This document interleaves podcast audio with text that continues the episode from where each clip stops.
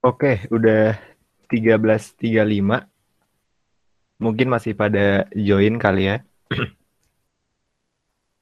uh, sambil nunggu pada join, mungkin aku buka aja. Oke.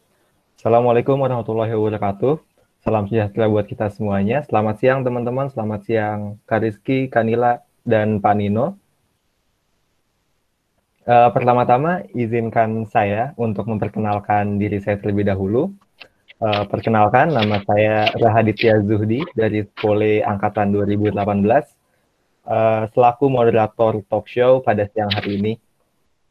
Uh, tak lupa juga mewakili teman-teman dari Sekolah ITB Mengajar, saya ingin mengucapkan terima kasih yang sebesar-besarnya uh, kepada teman-teman dari berbagai gerakan mengajar yang udah berkesempatan untuk hadir nih pada acara siang kali ini. Uh, mungkin sebagai apresiasi mungkin boleh saya sebutin kali ya dari mana aja uh, sambil nunggu uh, yang pada join juga. Uh, ada dari Abiwara Institute, BEM Rema UPI, Brawijaya Mengajar, Gajah Mada Menginspirasi, Gerakan STTPLN Mengajar, Gerakan UI Mengajar, IAIN Salatiga, Polban Mengajar, Politeknik Negeri Bandung, Rumah Pintar Tim PKM Polban, Sosmas BEM KM UGM, UHAM Kamenyala, dan dari Universitas Bengkulu. Tak lupa juga ada uh, beberapa lembaga juga nih dari dalam keluarga mahasiswa uh, eh, ITB. Ada teman-teman dari kabinet KM ITB, GMUNC ITB, Hima Mikro Arkea ITB, Himarek, Himarekta Agrapana ITB, Himaslon ITB, HMK Amiska ITB, HMS ITB, HMF Ars Prai Parandi ITB, HMIF ITB, HMM ITB, HMPP Fadra ITB, HMRH ITB, HMFT ITB, KMKL ITB, HMTB Rinuva ITB, KPC ITB, Nimfea ITB dan Pramuka ITB. Uh, eh, mudah-mudahan uh, saya nggak ada yang kelewat ya nyebutnya dan mohon maaf jika ada mungkin kesalahan pengucapan dari nama lembaga organisasi atau teman-teman. Uh, semoga ruang uh, diskusi kita pada hari ini dapat menjadi manfaat buat kita semuanya. Nah, mungkin uh, saya awali dengan ini kali ya, menyampaikan tata tertib peserta untuk acara siang hari ini. Uh, Pak Nitya mungkin boleh uh, ditampilkan tata tertibnya. Nah, uh, yang pertama peserta dimohon untuk mematikan mic selama keberjalanan acara jika tidak dipersilahkan untuk berbicara oleh moderator agar acara dapat berjalan secara kondusif Lalu yang kedua, peserta tidak boleh menyela ketika pembicara sedang berbicara. Peserta diperkenankan untuk menuliskan pertanyaan pada kolom chat Google Meet dengan format nama, organisasi jika ada, ditujukan ke siapa, eh, lalu pertanyaannya. Eh, dan untuk yang menonton melalui live streaming YouTube, boleh juga disampaikan pertanyaannya melalui eh, kolom live chat di YouTube Lalu yang keempat, peserta diharapkan untuk menyalakan kamera pada sesi dokumentasi di akhir nanti. uh, selanjutnya, uh, mata acara kita untuk siang hari ini simpel, teman-teman semuanya. Uh, setelah opening ini, akan ada sedikit sambutan dari Kepala Sekolah ITB Mengajar. Lalu dilanjutkan kita ke sesi talk show. Dilanjutkan dengan sesi Q&A. Maaf. Dan setelah itu akan ada sesi dokumentasi seperti yang sudah tertera di tata tertib uh, ini dan diakhiri dengan uh, closing. Uh, mungkin untuk mengawali hari ini uh, kita buka dengan doa. Uh, berdoa menurut kepercayaan dan uh, keyakinan masing-masing. Berdoa dipersilakan.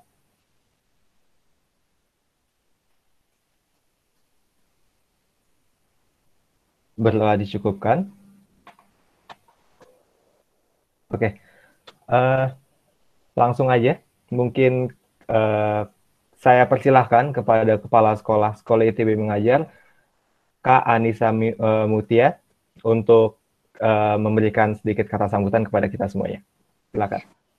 Uh, terima kasih Kak Adit. Uh, suara saya kedengeran kan ya? Kedengeran, kedengeran. Oke. Okay. Uh, Bismillahirrahmanirrahim. Assalamualaikum warahmatullahi wabarakatuh. Uh, selamat siang kakak semua. Uh, salam sejahtera untuk kita semua.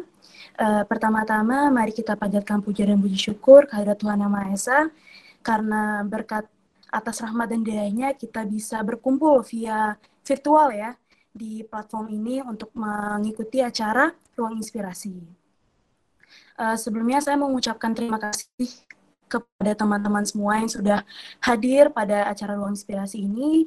Terima kasih juga kepada uh, kakak narasumber yaitu Kanila, Kak Rizky, dan Pak Nino untuk bersedia nih hadir untuk sharing dan berdiskusi bersama kita di acara Ruang Inspirasi ini. Mungkin sebelumnya saya mengenalkan Sekolah ITB Mengajar terlebih dahulu ya. Jadi Sekolah ITB Mengajar itu adalah badan semi otonom dari Kabinet Keluarga Mahasiswa ITB yang mana tepatnya di bawah Kemenkoan uh, Pengembangan Kemasyarakatan Sosial.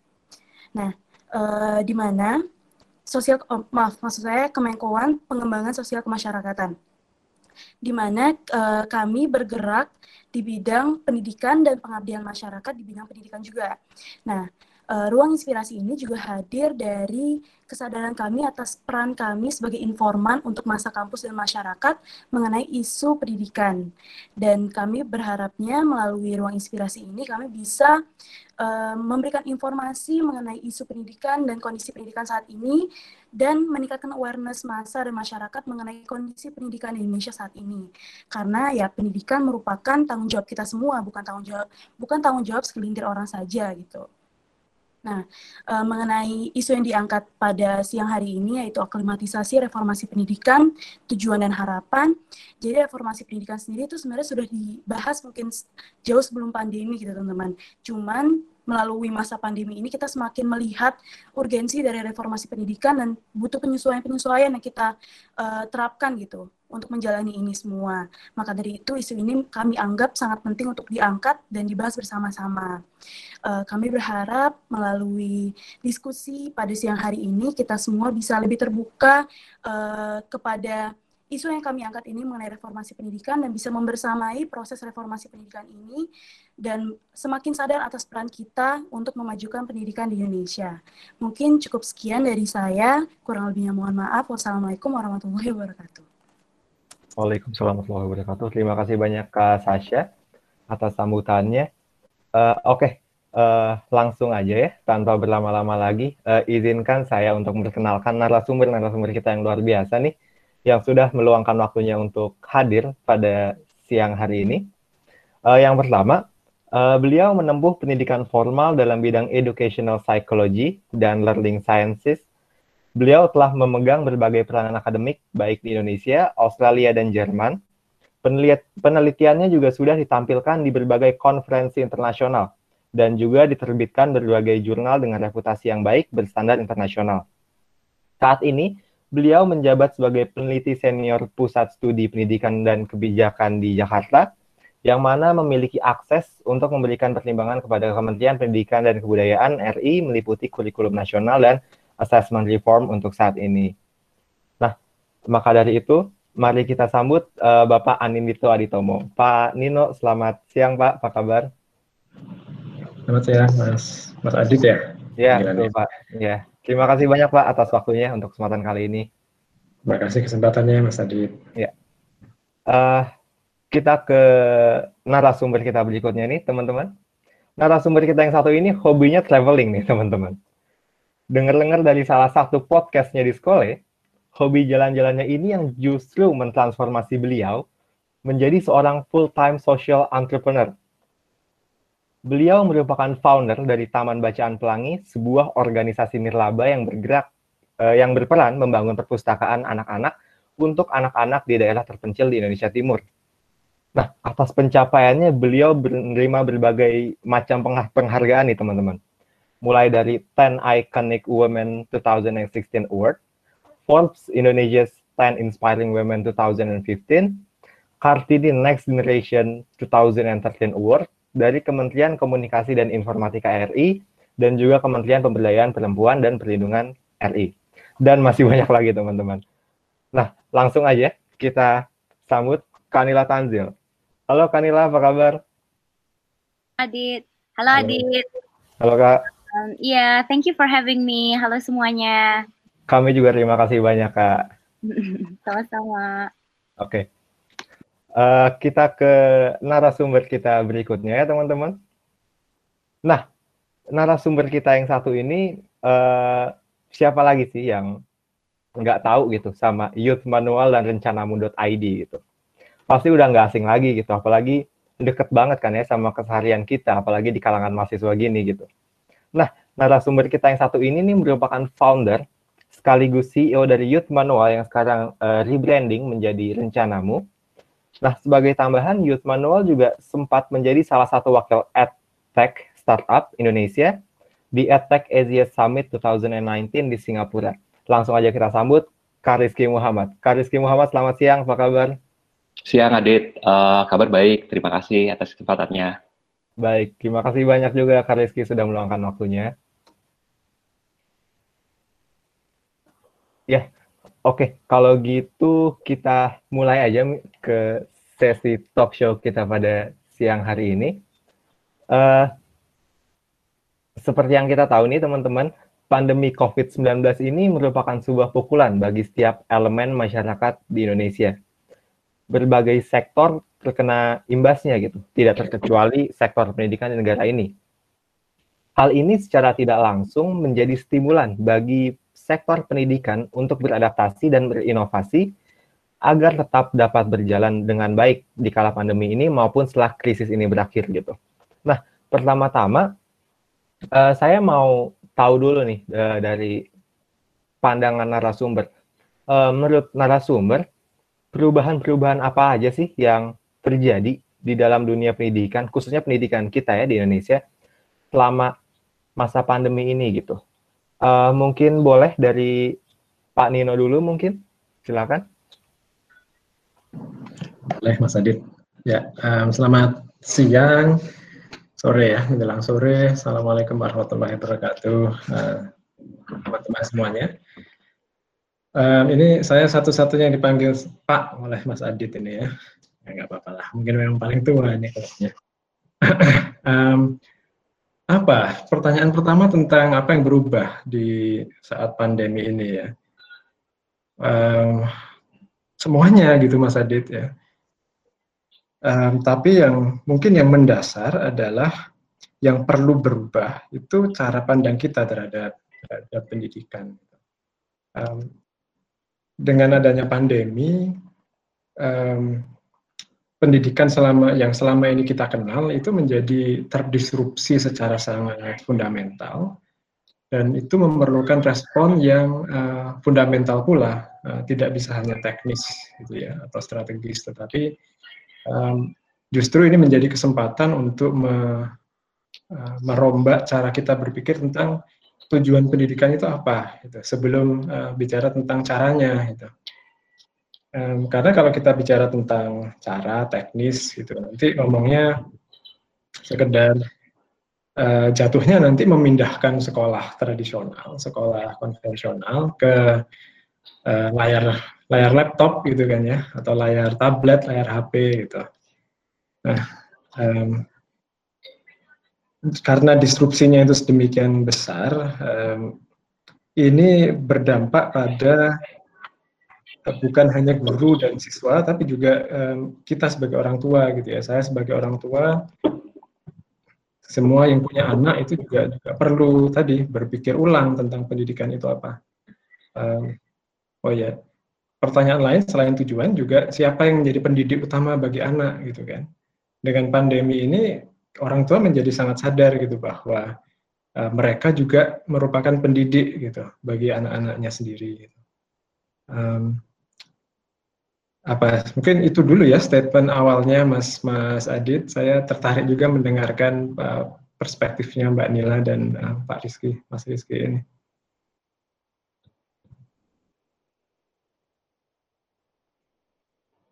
Oke, baik. Terima kasih banyak, Pak Nino. Uh, boleh lanjut mungkin ke dari Kanila Tanzil, mungkin boleh menyampaikan pandangannya? Iya, um, ya aku setuju banget uh, dengan manggilannya Mas, Mas siapa ya? Mas Nin Anindito.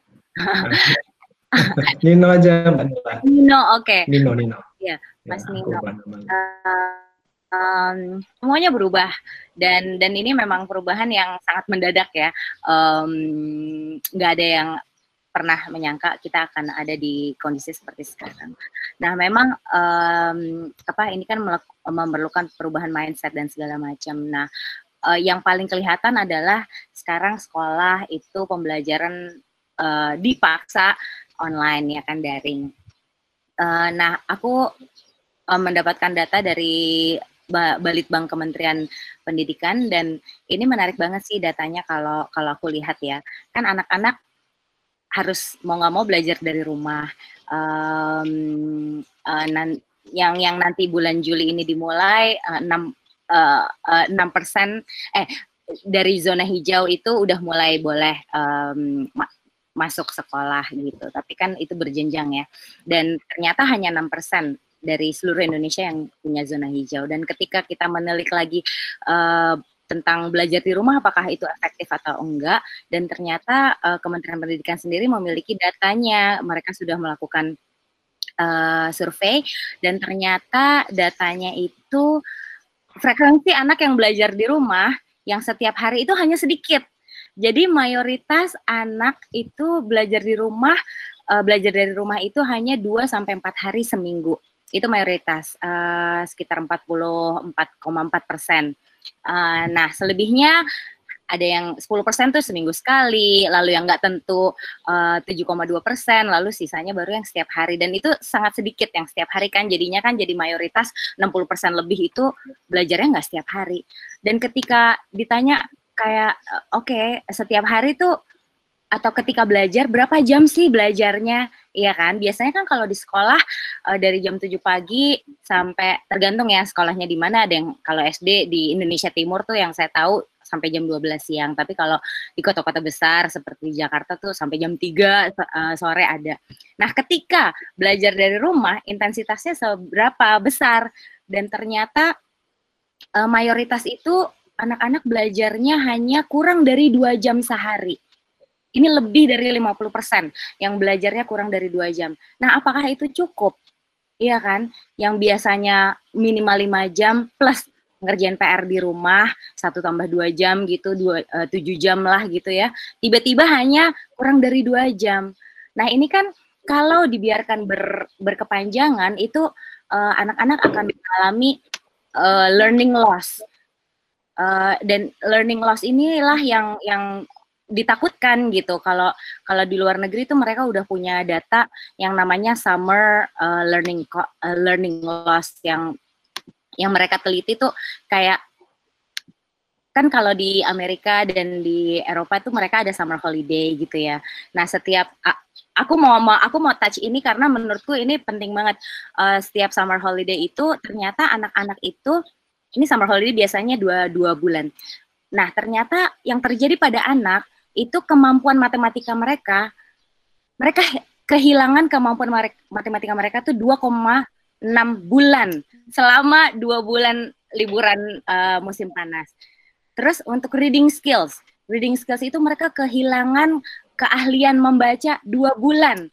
Wow, sementara pandemi ini kita nggak tahu kan sampai kapan kan, dan kebayang akan anak-anak uh, yang mengalami learning loss itu terutama anak-anak yang dari kelompok rentan, misalnya dari low income families, anak-anak yang tidak uh, memiliki connectivity terhadap internet, kebayang mereka akan ketinggalan lebih jauh lagi daripada anak-anak yang uh, memiliki segala fasilitas tersebut gitu. Jadi uh, ini benar-benar semuanya berubah dan ini harus menjadi perhatian kita semua. Itu dulu dari aku. Oke, baik, menarik banget. Terima kasih banyak Kanila Tangga atas data-datanya tadi dan kondisi benar-benar di lapangannya seperti apa. Uh, mungkin boleh sekarang ke Kariski menyampaikan pandangannya atas perubahan-perubahan yang terjadi nih selama uh, pandemi ini. Gitu. Ya, thank you uh, banget teman-teman semuanya. Adit, uh, tadi juga udah disampaikan sih pada dasarnya sama Mas Nino ya. Um, dan kalau kita ngelihat uh, sebetulnya terjadi fundamental shift gitu kan uh, di, di, di, di, di, di entah itu di tempat bekerja, kalau nggak di dunia pendidikan gitu kan. Artinya karakter ini benar-benar berubah banget sih. Uh, apa namanya, uh, di mana kalau kita ngelihat uh, dengan empat bulan ini orang terpaksa benar-benar semuanya harus belajar atau nggak bekerja dari rumah gitu ya. Dan kalau kita ngomongin uh, sebuah bela uh, belajar atau nggak sekolah, itu kan harus sebuah proses yang emang uh, apa namanya uh, dimiliki oleh siswa-siswa dan itu menjadi kayak uh, sebuah tanggung jawab, uh, sebuah apa ya punya drive dan punya punya ownership terhadap dirinya gitu kan. Karena kalau kita ngomongin uh, sekolah sendiri, sekolah tuh mungkin cuma beberapa jam ya, uh, beberapa jam gitu. Dan kalau kita ngomongin proses belajar atau enggak di mana sebetulnya itu sebuah uh, sekolah itu adalah proses belajar, yaitu dilakukan kapan pun dan di mana pun gitu kan. Makanya kita kita kita ngomongin konteks uh, apa namanya uh, lifelong learning uh, belajar sepanjang hayat gitu ya. Jadi emang kalau kita ngelihat justru sekarang terlihat banget ada gap. Tadi uh, uh, Mbak Nila juga sempat nyebutin kalau ada ada apa namanya pembelajaran-pembelajaran yang akhirnya jadi jadi jadi uh, siswa belajar itu lebih sedikit gitu ya.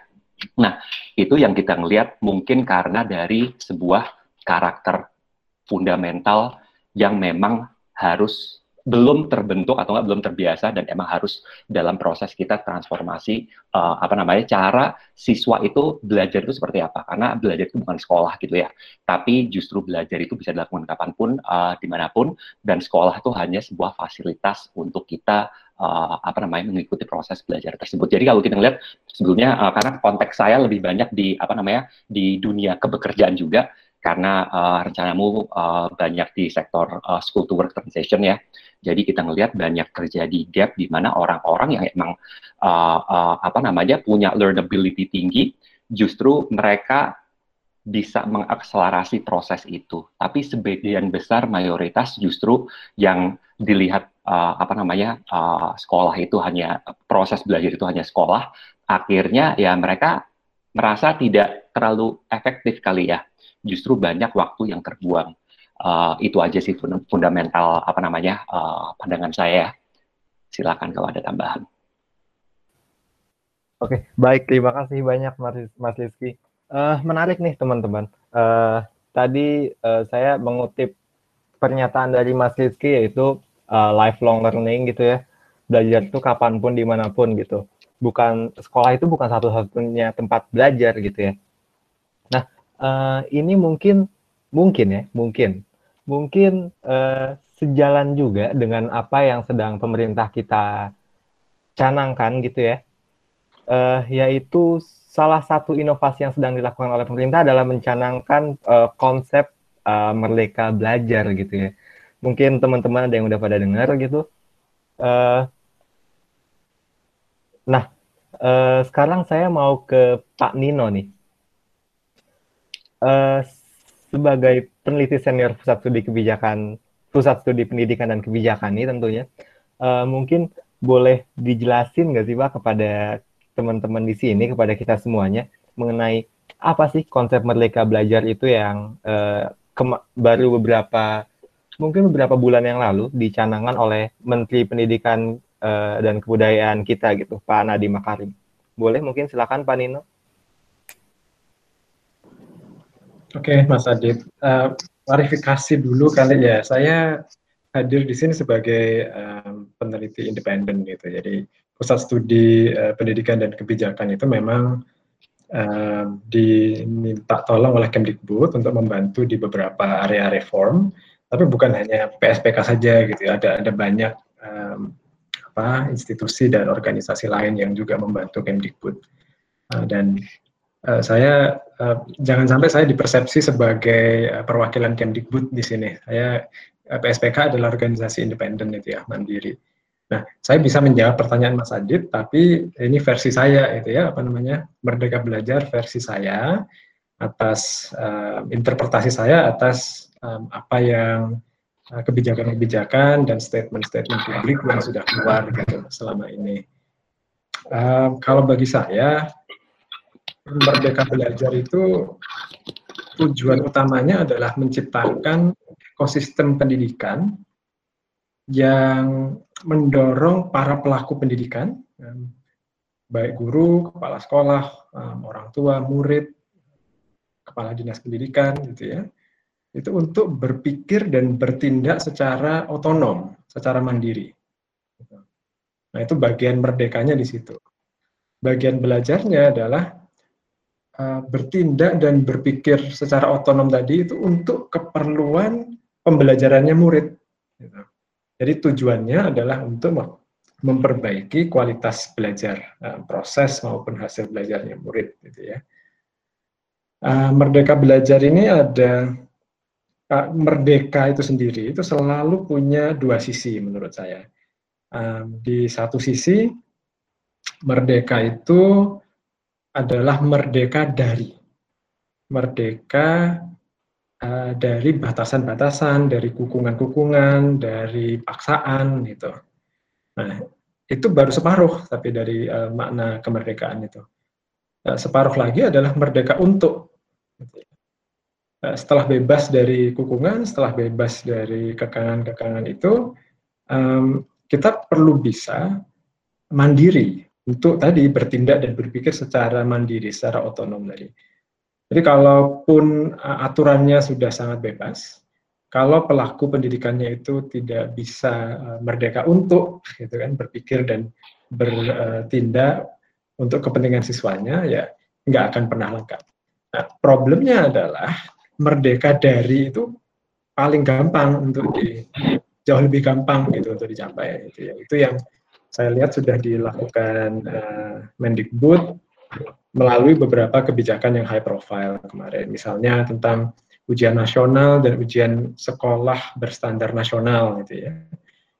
Itu uh, niatnya kan ingin memerdekakan pelaku pendidikan dari dari uh, paksaan untuk belajar hal-hal tertentu gitu ya, yang lebih sempit daripada yang seharusnya gitu kan apa cakupan konten tertentu gitu dengan uh, metode tertentu uh, lebih banyak ke uh, pengetahuan yang tidak mendalam gitu ya. Nah, itu itu satu hal yang dibebaskan dari itu. Yang lainnya apa? Kemarin ada um, oh, RPP satu halaman dalam tanda kutip. Itu kan membebaskan guru dari kekangan um, format lesson planning, format uh, RPP yang rumit, uh, administratif dan panjang gitu ya, menjadi beban, tapi tanpa berdampak um, positif pada kualitas belajar. Jadi dibebaskan dari formalitas uh, format-format uh, lesson.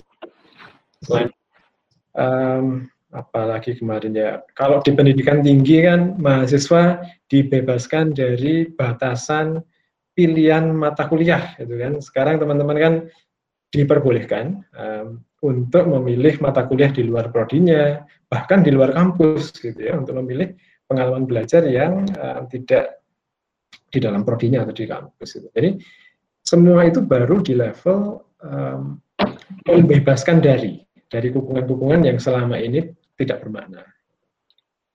Nah, PR yang jauh lebih sulit, jauh lebih menantang adalah untuk empowering uh, di ekosistem gitu ya, para pelaku dalam ekosistem ini untuk bisa merdeka untuk untuk menggunakan kebebasan-kebebasan itu.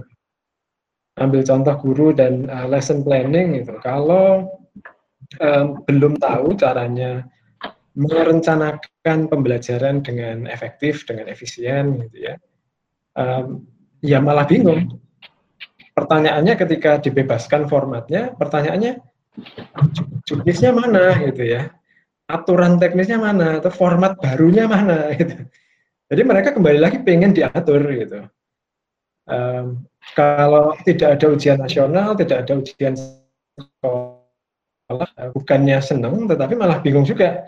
Nah, terus saya menilai siswanya gimana?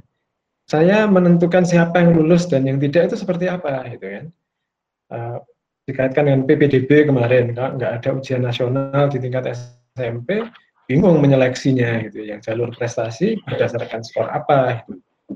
Jadi PR yang jauh lebih besar saya lihat uh, yang pasti nggak bisa nggak bisa cepat memang gitu ya. Jadi tidak fair juga kalau me, apa terlalu cepat me, menghakimi dan mengkritik Kemendikbud karena ini uh, baru beberapa bulan dan lagi pula uh, ada pandemi gitu ya. Ini uh, saat tragedi di atas sesuatu yang um, reform yang sangat sulit yang sedang yang sedang di, dikerjakan gitu.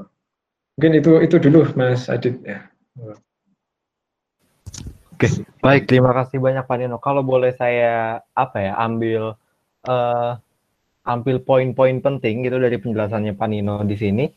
Uh, merdeka belajar itu dibagi dua gitu sama Pak Nino. Ada merdeka lalu belajar. Merdeka itu apa? Merdeka itu uh, maksudnya ekosistem yang mendorong elemen-elemen pendidikan di Indonesia gitu untuk bertindak secara otonom. Mungkin kalau saya kurang tepat boleh dikoreksi ya Pak Nino ya. Uh, lalu, nah merdeka belajar gitu. Uh, dalam hal ini konteksnya adalah untuk bertindak secara otonom untuk keperluan belajarnya murid gitu ya, siswa-siswa di Indonesia.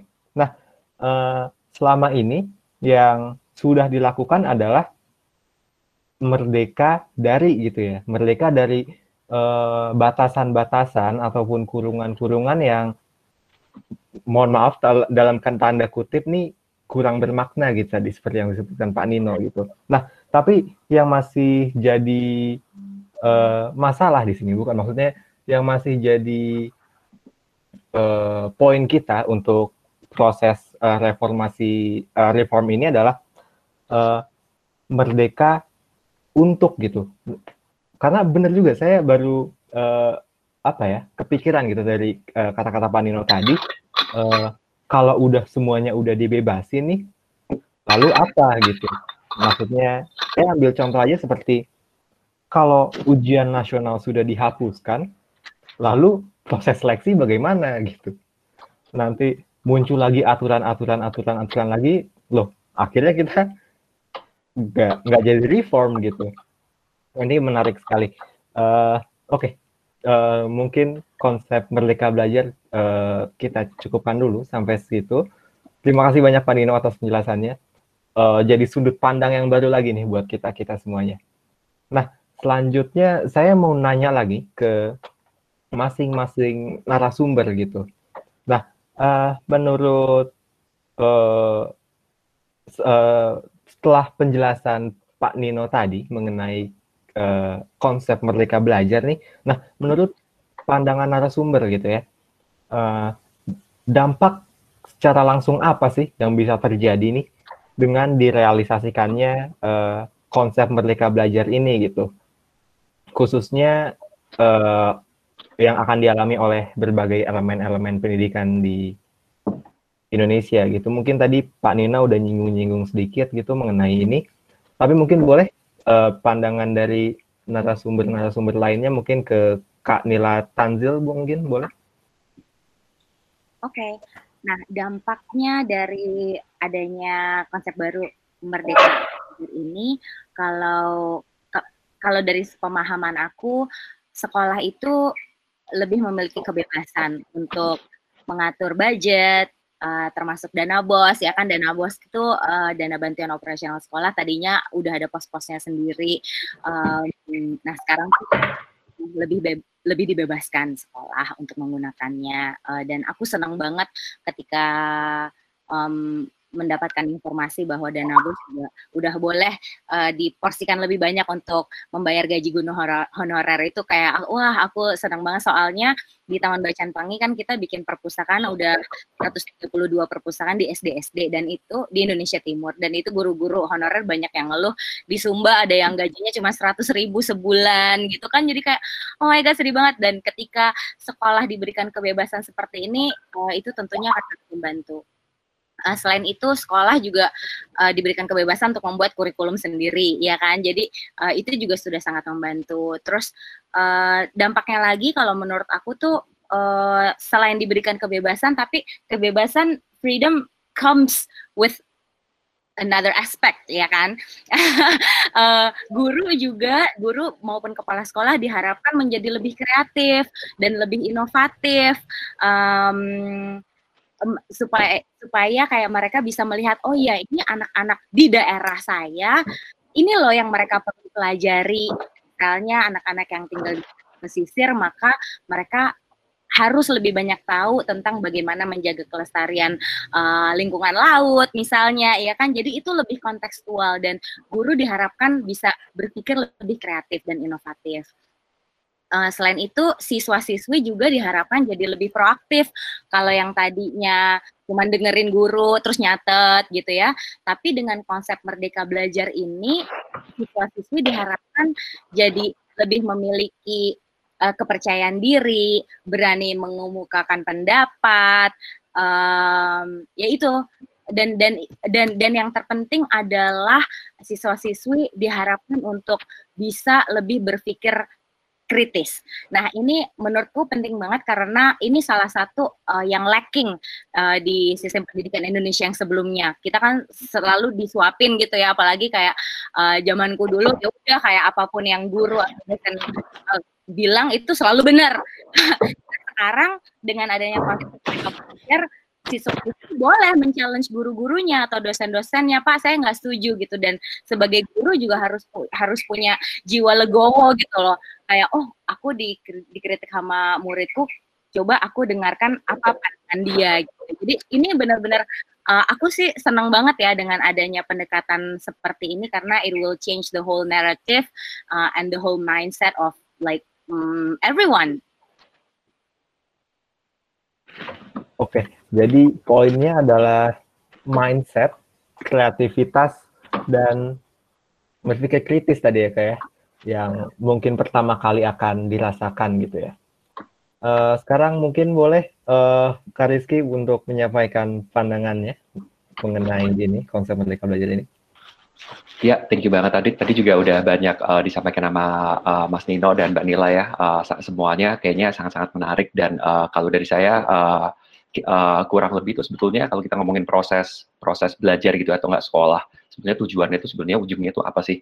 Ujungnya kan sebetulnya uh, biar uh, orang tuh bisa uh, individu tuh bisa berkarya gitu kan. Berkarya sesuai dengan minat passionnya masing-masing.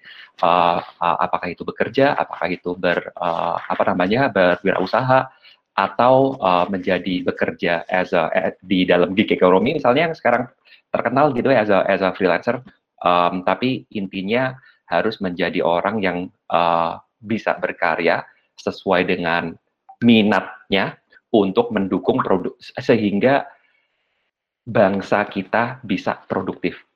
Kan kurang lebih seperti itu ya. Nah, untuk menciptakan output yang seperti itu, itu tuh kira-kira karakter apa sih sebetulnya yang dibutuhin gitu kan uh, dan lagi-lagi mungkin kita udah sering sering sering sering uh, sering dengar gitu ya konsep atau enggak uh, the term of uh, 21st century skill gitu kan.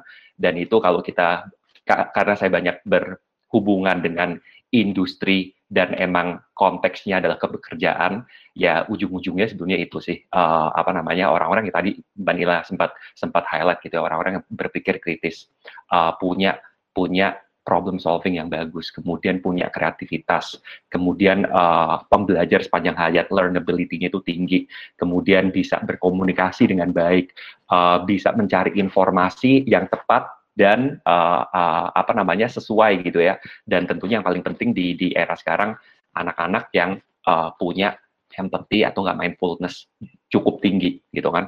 Nah kalau kita lihat karakter-karakter seperti itu, artinya apakah proses uh, pendidikan atau enggak uh, proses belajar kita apakah sudah menciptakan uh, uh, uh, apa namanya situasi untuk mendukung uh, pengembangan karakter-karakter seperti itu. Nah, mungkin uh, itu kali ya yang yang yang yang yang yang kita ngelihat dari konsep merdeka belajar dari Mas Tino juga sempat menyampaikan kalau ya sekarang uh, mungkin sebelumnya ya historically ya faktanya kan seperti itu dari dulu sampai sekarang ya udah ada batasan-batasan uh, dari uh, uh, proses belajar itu sendiri.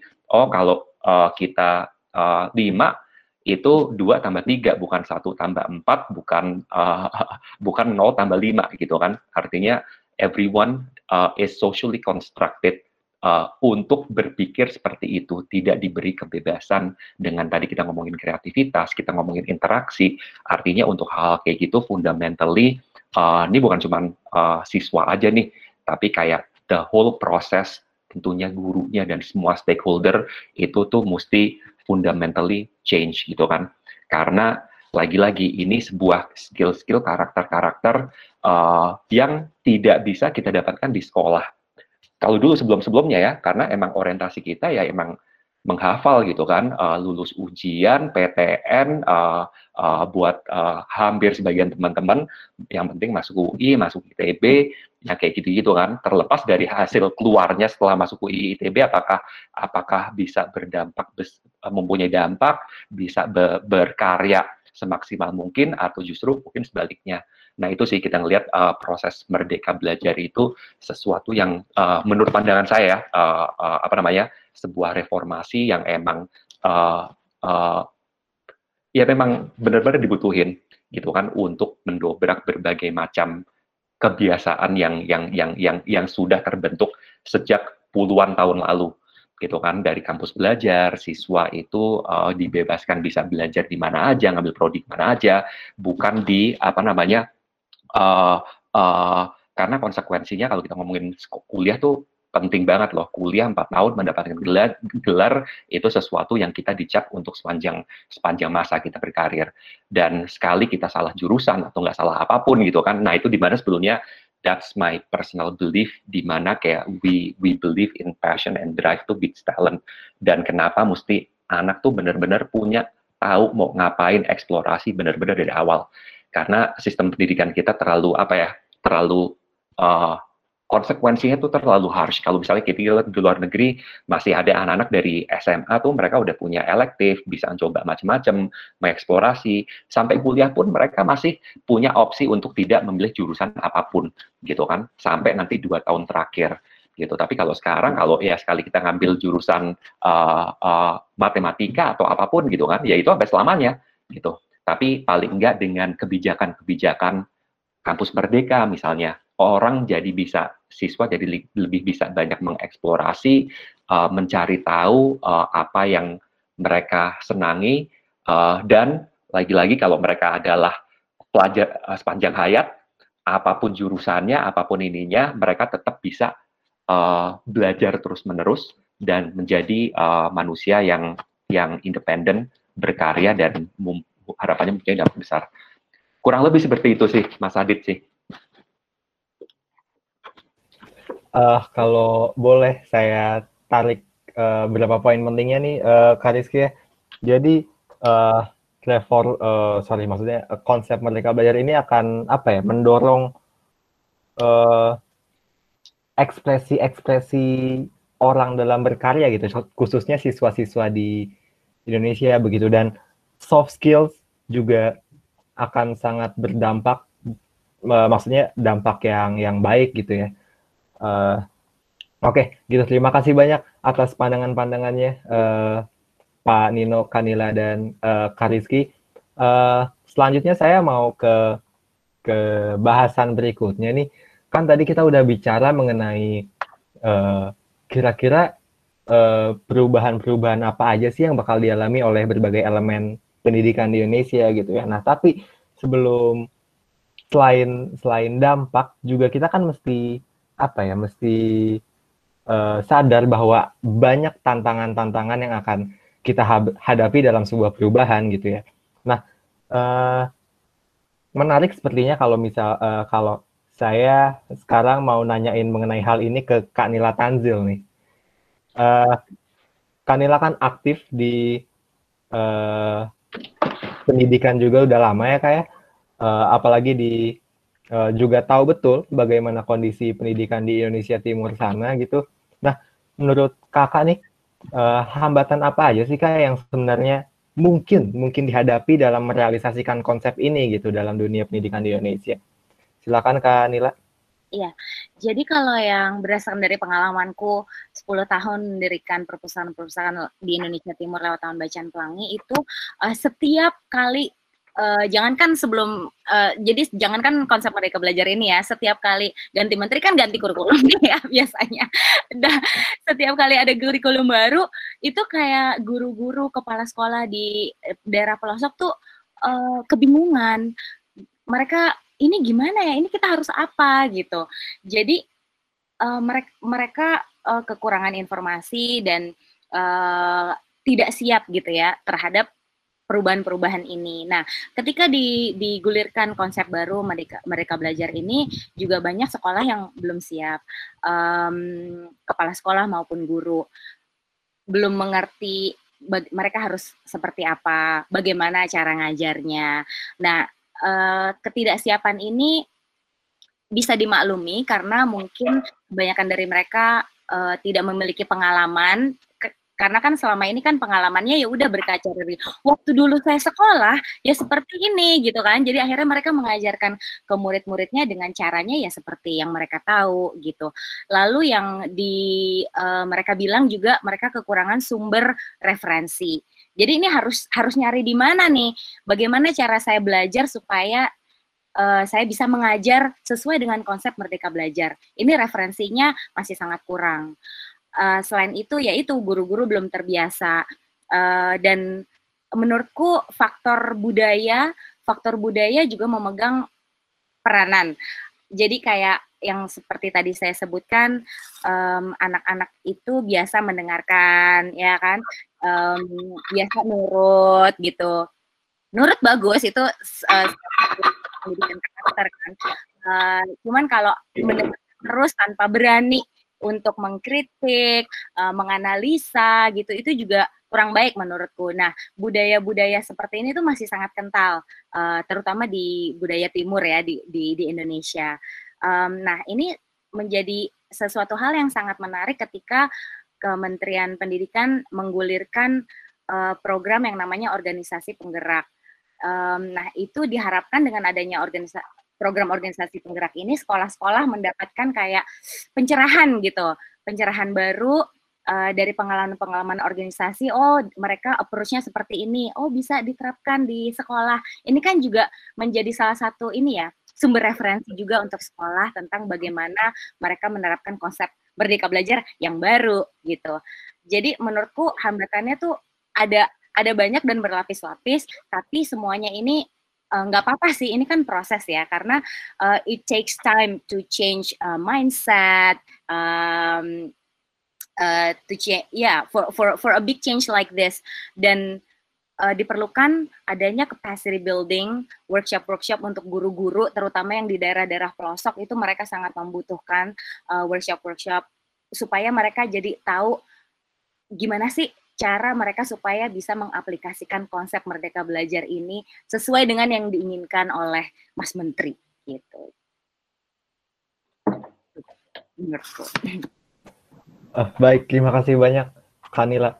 Uh, tadi mungkin jadi uh, tantangannya uh, mungkin mengenai preparation mungkin dari elemen-elemen pendidikan di sana lalu mungkin referensi referensi juga mungkin menjadi tantangan untuk uh, kita semua dan selain itu budaya ya khususnya di Indonesia Timur sana uh, budaya yang tadi Ma, uh, mungkin kalau bisa dibilang terlalu nurut kali ya terlalu nurut gitu.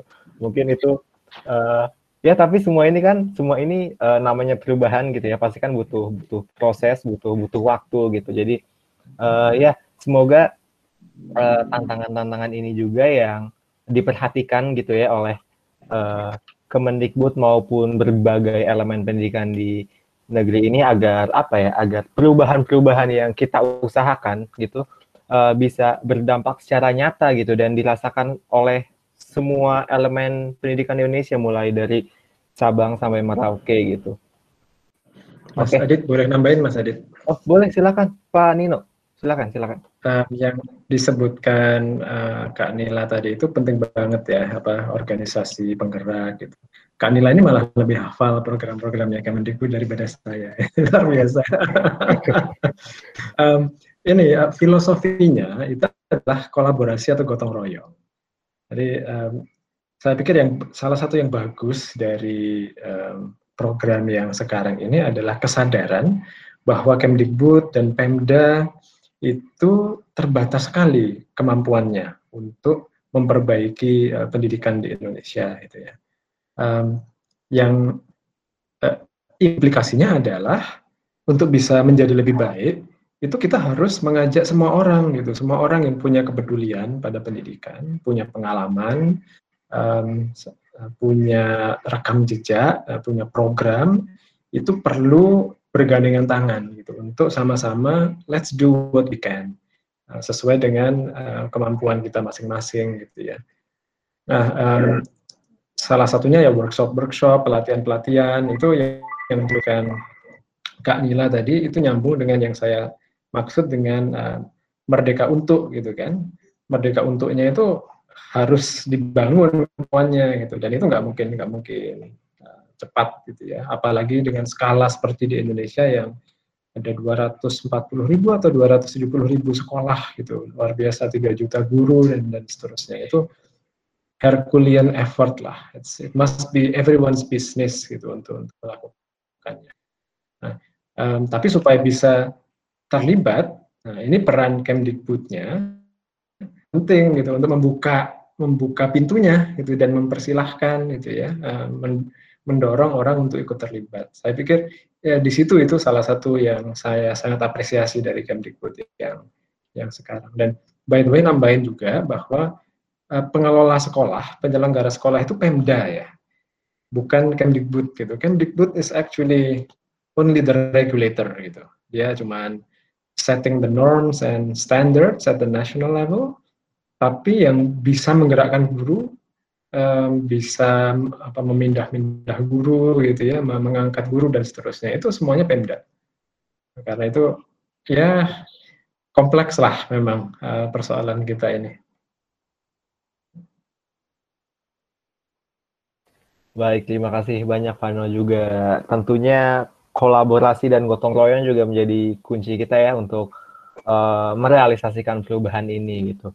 Nah, selanjutnya nih, uh, salah satu hipotesis kita untuk uh, merealisasikan perubahan ini adalah melalui akses teknologi gitu ya. Uh, sekarang uh, saya mau ke Kariski nih sekarang nih. Nah, menurut Kariski gimana sih sejauh ini uh, implementasi teknologi uh, dalam dalam pendidikan di Indonesia gitu? uh, selanjutnya uh, nyinggung ini nyinggung rencanamu juga ya kayak ya, kalau boleh. Uh, uh, apa sih rencana uh, rencana uh, rencana dari rencanamu dalam segi implementasi teknologi untuk pendidikan Indonesia di uh, masa yang akan datang? Uh, boleh dijawab mungkin uh, Kak Rizky silakan. Ya. Um, kalau kita ngomongin teknologi ya sebetulnya kan uh, apa namanya uh, adopsi dari teknologi. Jadi kita ngeliatin dua, dua, dua, dua, dua dalam dalam ekosistem pendidikan tuh dua dua generasi yang berbeda gitu ya. Mayoritas kalau kita ngomongin anak-anak sekolah sekarang ya mereka udah terbiasa pada saat mereka lahir udah punya gadget gitu kan. Jadi kayak uh, adopsi dalam konteks konteks behaviornya mereka mungkin sudah jauh lebih familiar ya kan uh, kalau kita nomor dua mungkin kita nyebutnya akses karena Indonesia gede banget kalau akses tuh kita ngomongin infrastruktur ya mungkin kalau di tempatnya Kak Nila yang banyak di timur mungkin banyak yang internet aja mungkin telepon punya tapi mungkin uh, koneksinya nggak ada gitu kan jadi kayak uh, apa namanya uh, uh, dari sisi dari sisi adopsi dari dari siswanya sebetulnya sudah hygiene dan harusnya tidak ada masalah. Yang menjadi masalah adalah dan kalau kita melihat juga banyak sekolah-sekolah yang sebelumnya juga sudah cukup cukup umum mengimplementasi uh, teknologi ya, tapi dengan uh, mungkin banyak di masa-masa lalu sebelum kita bicara sebelum pandemi mungkin uh, apa namanya uh, keterbatasannya selain dari dua hal tadi mungkin justru lebih di gurunya. Bagaimana sih uh, bisa memfasilitasi atau nggak menggunakan bukan cuma menggunakan aja tapi menggunakan teknologi secara tepat guna gitu ya untuk bisa memfasilitasi proses belajar tersebut. Nah uh, itu sebuah pembelajaran uh, adopsi kan pasti butuh waktu dan kemudian uh, uh, dilalahnya kebetulan terjadi uh, COVID, di mana proses adopsi dan akselerasi itu mau tidak mau harus dilakukan dengan cepat gitu kan. Jadi uh, ya ini kayak kalau kita ngomongin uh, sebuah transformasi uh, orang ya sekarang mau nggak yang nggak bisa renang mau nggak mau ya mereka dicemplungin suruh belajar renang dalam waktu yang singkat gitu kan. Jadi uh, teknologi uh, ke depannya akan semakin pastinya adopsinya akan akan akan semakin uh, cepat dan use case-nya juga bervariasi gitu ya. Dan yang tidak menggunakan ya apa namanya pastinya udah udah nggak ada opsi. Intinya itu sih. uh, uh, uh, uh, untuk untuk penggunaan teknologi dan juga bervariasi ya.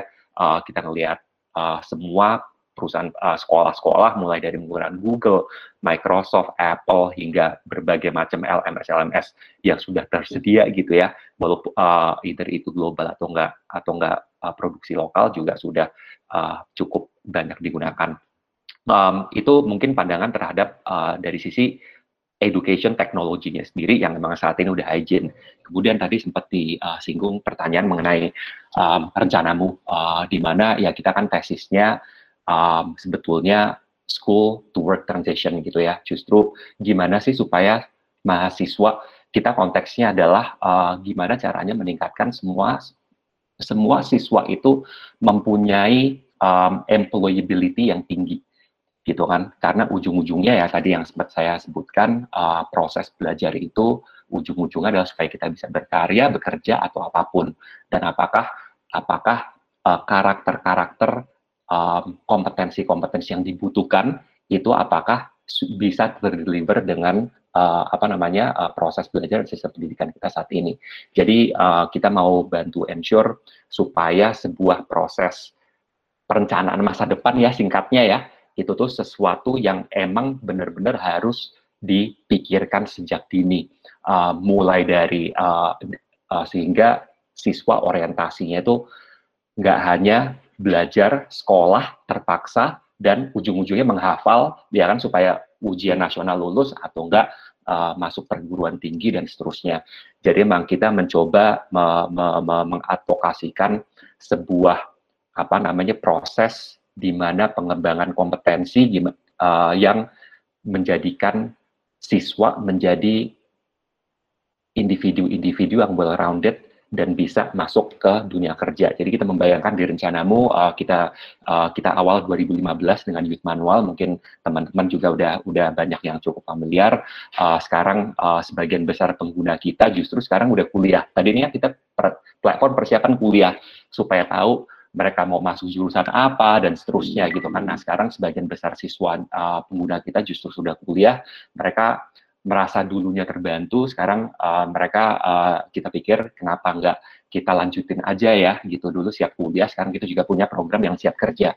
Supaya mimpi kita uh, apa namanya mimpi besar kita suatu saat ada di masa ya siswa itu tidak perlu mencari kerja gitu kan, tapi mereka cukup mengembangkan kompetensi-kompetensinya uh, dan tahu apa tujuan mereka dengan semua evidence-evidence uh, apa namanya kompetensi yang kita ukur supaya mereka langsung bisa terhubung dengan berbagai macam kesempatan ekonomi.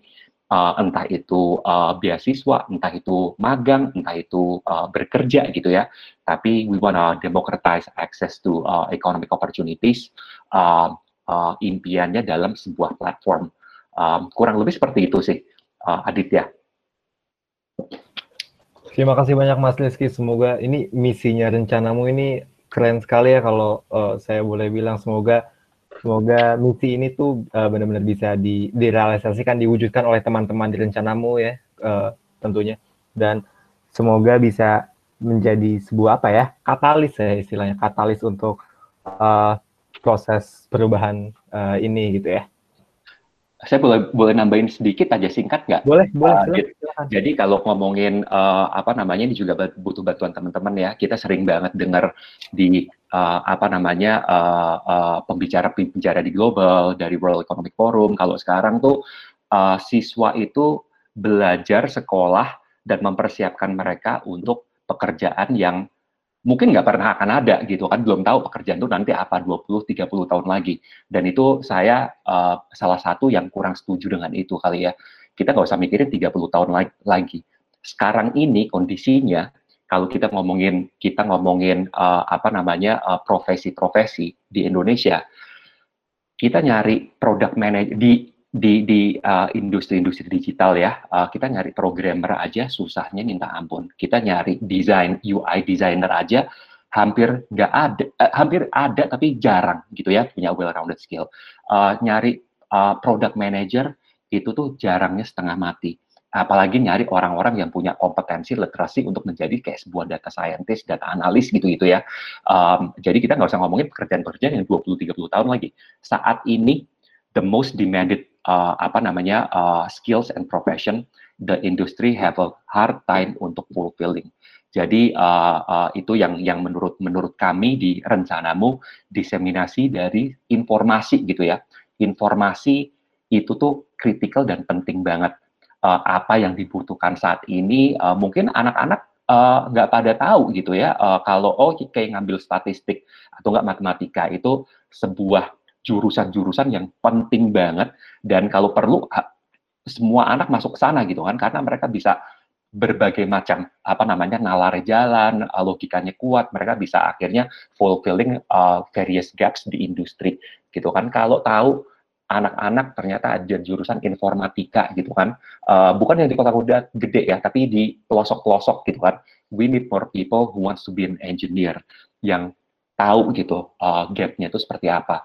Jadi uh, menurut menurut menurut kami uh, uh, salah satu hipotesa kami adalah informasi itu tidak merata sehingga orang tuh ngambil jurusan-jurusan yang itu-itu aja dan emang berdasarkan uh, influence dari orang tua guru yang mungkin tidak relevan juga dengan sekarang ya. Jadi uh, mudah-mudahan ini ini tugas kita bareng-bareng semuanya. Mudah-mudahan teman-teman di di di di, uh, di sekolah, di ITB mengajar, UI mengajar semuanya bisa bantu untuk uh, pay it forward dengan paling nggak tuh makasih tahu adik-adiknya juga. Uh, dan kita menjadikan platform untuk itu. Uh, dan kita juga ke industri untuk untuk untuk untuk mencari informasi kira-kira apa sih data science itu ngapain. Um, apa namanya program Android programmer itu ngapain Golang engineer itu ngapain. Sehingga mungkin itu bisa men-trigger anak-anak punya informasi dan akhirnya punya uh, uh, tujuan yang lebih yang lebih sesuai dengan sekarang gitu ya. Filling the gap. Uh, uh, untuk saat ini. Tambahan itu aja. Makasih, sorry, sorry uh, minta waktu tambahannya. Baik, terima kasih banyak. Nggak apa-apa, Mas Rizky. Uh, uh, jadi, uh, ya, itu tambahan sedikit dari Kariski. Jadi, uh, mungkin boleh teman-teman di sini yang punya skill cocok tadi dengan yang Kariski butuhkan, silahkan apply langsung ke rencanamu gitu mungkin. uh, Oke. Okay. Uh, sepertinya udah banyak nih pertanyaan yang masuk dan uh, mungkin sekarang kita langsung masuk ke sesi Q&A aja kali ya karena udah banyak pertanyaan yang masuk dan bahkan udah ada yang dijawab juga oleh Pak Nino. Ya, oke. Okay. Kalau gitu sekarang kita masuk ke sesi Q&A aja ya teman-teman ya. Uh, jadi Hmm, mungkin aku mulai dari ini kali ya, yang udah bertanya terlebih dahulu. Oh, yang sal uh, salsa ini udah dijawab ya oleh Panino, tapi uh, mungkin Panino boleh nanti Pak mungkin disampaikan lagi jawabannya ke teman-teman ya. Uh, boleh, boleh. Dari yang pertama ada pertanyaan dari Salsa nih dari HMP PLITB Komisariat. Uh, mau tanya Pak Nino dan Kanila terkait perubahan kebijakan di dunia pendidikan. Uh, contoh yang diambil dari Merdeka Belajar, ketentuan baru yang mungkin dimaksudkan untuk bisa meningkatkan kemampuan kemampuan siswa berdasarkan sekolah masing-masing, tapi di sisi di lain sisi yang saya tangkap dari pemaparan yang tadi disampaikan, SDM pengajar uh, belum siap. Uh, ini dari klaimnya Salsa. Uh, yang ingin ditanyakan ad adalah uh, apakah kebijakan baru lebih baik diterapkan begitu saja tanpa menyiapkan SDM yang terlebih dahulu? Uh, ini pertanyaannya kepotong tapi uh, mungkin boleh dijawab sampai situ dulu mungkin uh, Pak Nino dan Kanila. Mungkin Pak Nino boleh silakan. Boleh, boleh. Aku duluan ya, Danila. Um, apa ya, seperti aku tulis di chat itu, ini kayaknya ada, um, kita mengasumsikan atau membayangkan dikotomi antara aktor dan konteks. Um, jadi kalau ditanya, ya, pertanyaannya betul, um, SDM-nya belum siap kok kebijakannya sudah digulirkan gitu kan ya memang betul um, SDM-nya belum siap gitu. Tapi SDM tidak siap itu itu adalah hasil dari sistem yang selama ini ada, gitu kan. Sistem yang selama ini memang memposisikan guru sekolah itu lebih sebagai um, pelaksana kebijakan gitu. Ini secara historis sekolah di Indonesia itu kan sebagaimana di banyak negara uh, pasca kolonial yang bekas jajahan, sekolah itu adalah instrumennya negara bangunan bangsa. Bang, pertama pembangunan identitas sebagai um, apa namanya keindonesiaan gitu ya. Terus kemudian um, instrumen untuk uh, membangun ekonomi. Gitu. Nah, di Orde Baru itu sangat kuat. Sekolah itu fungsinya cuma dua sebenarnya, untuk membuat orang patuh, ya, stabilitas politik, dan yang kedua untuk me menyiapkan pekerja. Keduanya ini adalah kepentingan uh, bukan kepentingannya siswa, itu kepentingannya uh, uh, masyarakat dan pemerintah. Ini beda sekali dengan pendidikan yang dirancang sejak awal lebih untuk melayani kepentingan siswa. Nah, ini memang tidak perlu dicari titik temunya gitu ya. Tidak ada sistem pendidikan formal di mana pun yang murni melayani siswa. Karena itu artinya um, apa masyarakat tidak lagi diperhatikan. Um, sedangkan pendidikan formal bagaimanapun punya fungsi untuk kontinuitas, reproduksi tatanan dan nilai-nilai budaya.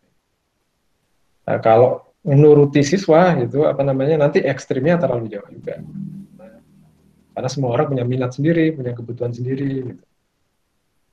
Nah, um, tapi anyway, uh, kita berada di ekstrim yang satunya. Gitu. Sekolah-sekolah uh, di Indonesia itu uh, merasa sebagai pelaksana kebijakan saja. Uh, pelaksana compliance ya orientasinya itu. Nah kalau bayangkan kalau kita memilih jalur uh, kita training gurunya dulu deh, gitu kan? Training gurunya saja tanpa mengubah kebijakannya. Kebijakannya nanti dulu. Kalau gurunya sudah hebat-hebat, baru kebijakannya kita sesuaikan dengan kemampuan mereka. Nah itu satu tidak tidak mungkin terjadi karena mau melatih di mana. Ibaratnya mau apa ya? Tadi Mas Rizky menyebutkan berenang atau mau ngelatih orang berenang, ya kita perlu kolam renang gitu. Kita perlu lautan bebasnya juga. Gitu. Tidak hanya ruang kelas yang menyampaikan teori renang gitu. Mungkin malah ruang kelasnya itu nggak nggak perlu. Nah kalau kebijakannya nggak diubah, itu kita ibaratnya ingin mengajari orang berenang, tapi nggak menyediakan kolam renangnya. Cuman ngajari aja, ngajari aja um, tanpa ada kesempatan untuk menerapkan hasilnya ya orang yang tahu atau kalau mereka bisa berenang ya frustrasi karena nggak bisa menerapkan kemampuan. Nah, tapi sebaliknya kalau kita hanya mengubah kebijakan ya um, yang terjadi adalah yang senang itu sebagian kecil pelaku pendidikan yang memang sudah kreatif, sudah inovatif. Ya seperti um, mungkin Kak Nila, Mas Rizky ini sering ketemu dengan orang-orang yang seperti ini gitu um, para pelaku pendidikan yang um, merasa regulasi sekarang ini terlalu menghukum. Aku tuh sudah bisa kreatif, aku tuh sudah punya banyak gagasan gitu ya. Tapi karena regulasinya, kurikulumnya itu sangat luas, sangat rinci, ya. kompetensi dasar itu ada belasan di tiap-tiap kelas gitu kan. Dan semuanya harus dilaporkan ke pemerintah gitu.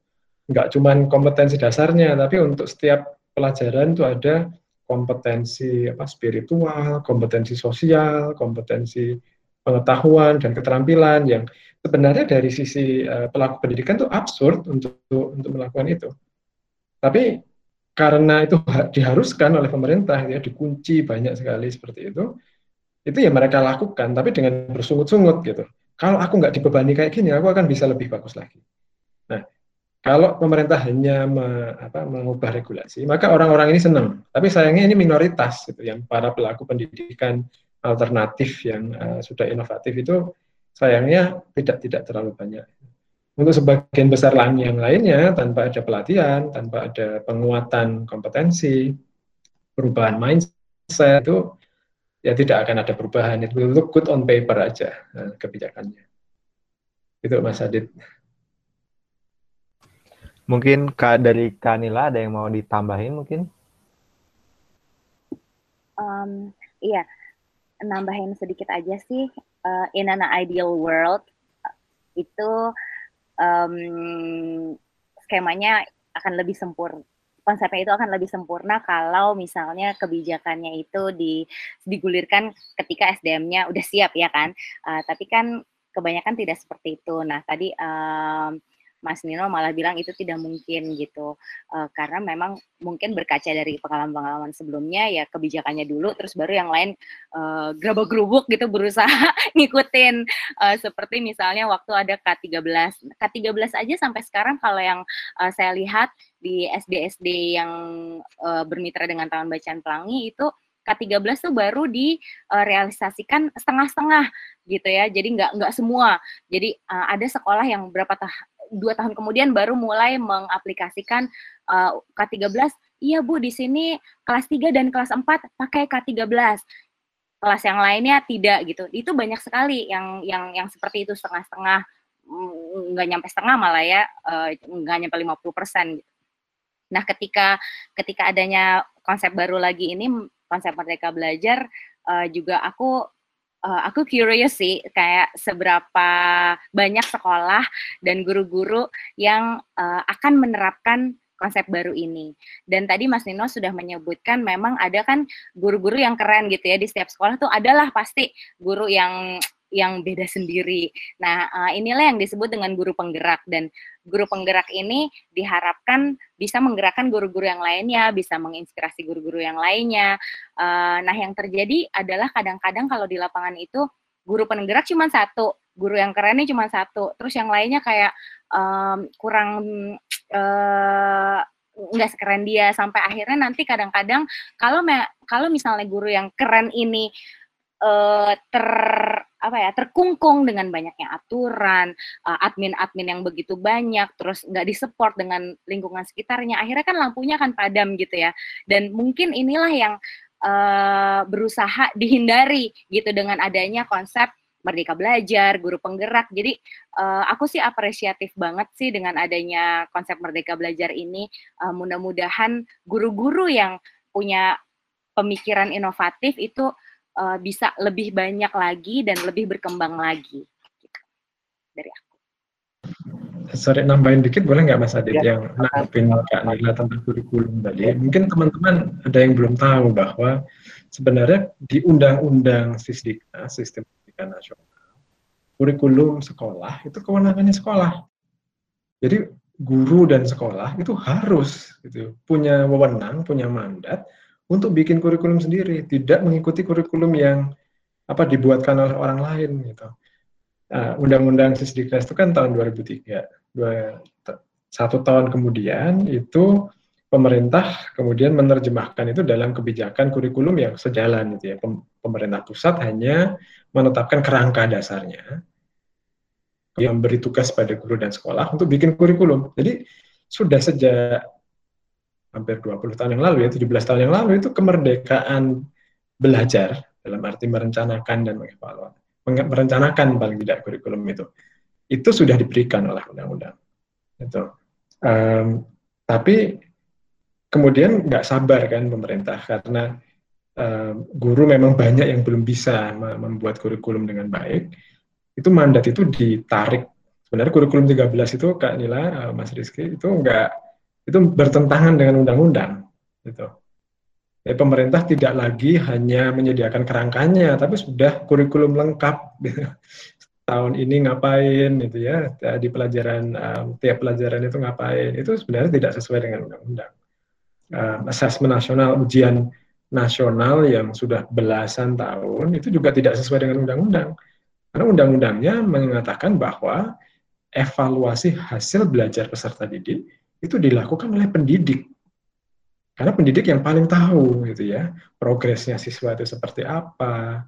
Mereka itu um, uh, apa apa yang kita pelajari selama setahun, selama uh, satu semester atau tiga tahun, itu itu tidak akan bisa tertangkap dengan sempurna melalui ujian dua, dua jam, nggak mungkin.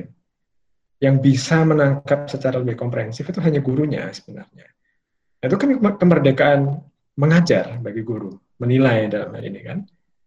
Ya, jadi apa ya regulasi itu, merdeka belajar itu sebenarnya tidak secara konseptual itu bukan hal yang baru di sekarang ini.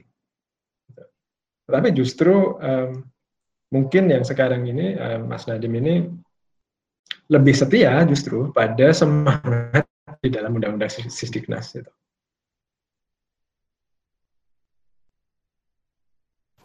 Baik, terima kasih Kak Nila dan Panino. Mudah-mudahan uh, terjawab ya. Uh, ini ke Kak Salsa dari HMPPL ITB gitu. Uh, lanjut ke pertanyaan kedua nih. Uh, ada dari Kak Faris gerak, dari Gerakan UI Mengajar. Uh, pandemi membuat pembelajaran berubah dari pembelajaran yang tatap muka menjadi daring. Namun Indonesia masih memiliki keterbatasan akses seperti akses internet. Nah, uh, saya mau bertanya, apa yang terjadi dengan pendidikan di daerah timur dengan kondisi ini, Kak? Ini ditujukan ke Kanila Tanzil ya. Uh, apakah pembelajaran jarak jauh di daerah timur berlangsung efektif? Uh, apakah yang dilakukan guru atau masyarakat atau komunitas tempat dalam menyikapi pembelajaran jarak jauh ini? Itu pertanyaannya mungkin boleh dijawab oleh Kanila Tanzil. Ya, uh, thank you pertanyaannya. Um, kalau dari yang yang kami di Taman Bacaan Pelangi lihat, um, pengaplikasian dari belajar uh, di rumah, uh, pembelajaran lewat online gitu ya, memang di daerah-daerah Indonesia Timur belum maksimal. Nah, um, aku dapat data dari inovasi. Inovasi itu adalah uh, DFAT funded program. Jadi di uh, salah satu programnya pemerintah Australia untuk Indonesia dan uh, mereka uh, memiliki data. Jadi mereka membuat survei dan ternyata 72% dari anak-anak dari siswa-siswi itu masih belajar offline. 72% yang sangat besar ya, masih belajar offline dan menggunakan buku jadi belum menggunakan internet. Dan hal ini terjadi terutama di NTT, NTB, dan daerah-daerah uh, remote lainnya. Jadi dari data yang didapat itu hanya 24% yang menggunakan online learning itu terjadi terutama di uh, Pulau Jawa tentunya. Nah, uh, ini juga ketika kita bicara tentang konektivitas internet, um, jangankan internet ya, kita ngomongin listrik dulu aja deh nih. Uh, masih masih ada 14.000 desa di Indonesia yang belum teraliri oleh listrik. Nah, ketika kita bicara internet, uh, memang datanya lumayan banyak nih kalau dilihat 171 juta internet users di Indonesia. Tetapi uh, ternyata kalau kita melihat di Papua, Sulawesi, dan Maluku, itu hanya 10% dari semua populasi di Papua, Sulawesi, dan Maluku yang uh, merupakan internet users. Dan kalau di Nusa Tenggara cuma 5%. Jadi kebayangkan itu sangat sedikit. Um, nah, itulah kendala-kendala yang dihadapi saudara-saudara kita yang ada di Indonesia Timur. Kalau yang uh, kita lihat ini, kita tanyakan ke guru-guru bagaimana uh, pembelajarannya. Ya mau nggak mau mereka masih datang ke rumah, datangin ke rumah anak-anak didik mereka satu persatu dan tentunya ini uh, juga kurang efektif kan karena kalau murid muridnya ada 22 misalnya satu kelas itu biasanya 22 anak. Terus guru harus datengin ke 22 rumah yang biasanya kan jauh-jauh juga rumahnya ya kan? Dan itu membutuhkan waktu yang juga nggak nggak sedikit. Uh, itu sih yang terjadi di di di sekolah-sekolah. Dan ada juga guru kalau yang guru yang kreatif mereka kasih kasih PR lewat WhatsApp. Lagi-lagi WhatsApp itu kalau misalnya ada sinyalnya ya kan? Jadi memang uh, sangat banyak uh, tantangannya itu yang yang yang di lapangan gitu. Nah kalau di tahun bacaan pelangi akhirnya kita uh, membuat membuat program namanya paket belajar. Jadi tahun bacaan pelangi uh, memberikan paket belajar itu berupa lembar kerja siswa untuk anak-anak kelas 1 SD ini pilot dulu kan waktu uh, pilot dulu nih untuk kelas 1 SD dulu deh. Jadi lembar kerja siswa setiap anak dapat 15 lembar per minggu. Jadi kita bagiin per minggu kita titipin ke guru-guru yang memang guru-guru itu kan datang ke rumah anak satu-satu. Uh, setidaknya setiap hari anak belajar mengerjakan lembar kerja siswa itu tiga lembar bahasa Indonesia, matematika dan mewarnai gitu. Dan itu sudah berjalan uh, sampai sebelum libur kemarin nih uh, bulan bulan Juli kan libur ya kenaikan kelas. Uh, jadi udah berjalan dua bulan sejak pandemi dan itu sudah ada lebih dari 3.000 anak yang mendapat paket belajar ini. Jadi menurutku uh, memang harus ada intervensi-intervensi lainnya selain dengan internet itu. Karena kan Indonesia sangat besar dan uh, sangat beragam. Nggak semua daerah punya konektivitas yang sama seperti di kota-kota besar. Itu sih harapanku supaya ada lebih banyak lagi intervensi-intervensi yang inklusif. Dan juga jangan dilupakan anak-anak yang berkebutuhan khusus Iya kan? Itu juga memiliki uh, challenge-nya sendiri loh. Iya itu yang aku aku ingin tekankan di sini. Terima kasih untuk pertanyaannya. Baik Uh, terima kasih Kanila, semoga terjawab ya tadi pertanyaannya dari Kak Faris dari Gerakan UI Mengajar gitu. Uh, untuk pertanyaan ketiga dari dari ini Kak Dava ini kayaknya udah terjawab nih uh, sama tadi pertanyaan yang pertama tadi mungkin mirip-mirip uh, pertanyaannya jadi kita langsung ke pertanyaan berikutnya dari uh, Kak Rifki dari Politeknik Negeri Bandung gitu. Uh, pertanyaannya adalah, apakah konsep Merdeka Belajar ini bisa ditetapkan di pendidikan vokasi atau SMK yang notabene-nya kejuruan atau keahlian praktikum yang diutamakan? Dan bagaimana cara mengaplikasikan konsep Merdeka Belajar yang sangat uh, bagus ini klaimnya Kariski? Uh, mungkin uh, boleh dijawab kayaknya lebih cocok uh, boleh dijawab oleh uh, Kariski mungkin untuk pertanyaan yang ini.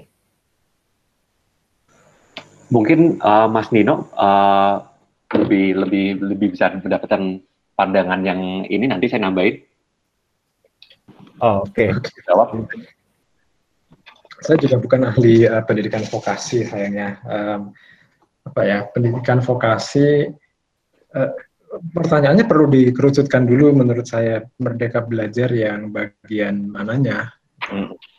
uh, bagian apa dari dari merdeka belajar itu? Kalau kita bicara tentang uh, apa, otonomi guru untuk uh, mengajar merencanakan pembelajaran untuk menilai muridnya itu ya applicable di sekolah apa pun gitu ya tidak tidak pandang dia SMA atau SMK gitu. Um, apa yang khas dari SMK adalah dia pendidikan yang secara uh, sengaja uh, dirancang untuk menyiapkan lulusannya itu agar bisa langsung bekerja gitu kan. Jadi Pak Merdeka Belajar di sana saya, saya belum melihat kekhasannya gitu ya. Saya, jadi jawaban saya mungkin tidak terlalu memuaskan. Saya melihat ya bisa bisa saja diterapkan pada pendidikan vokasi gitu.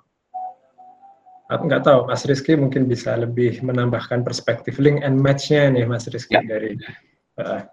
Ya, uh, tadi sama sih ya. Maksudnya kalau kita ngomongin konsep uh, merdeka belajar atau nggak proses belajar secara umum itu uh, apa namanya tidak bisa dibatas-batasi apakah ini uh, vokasi atau nggak SMA, SMK dan seterusnya.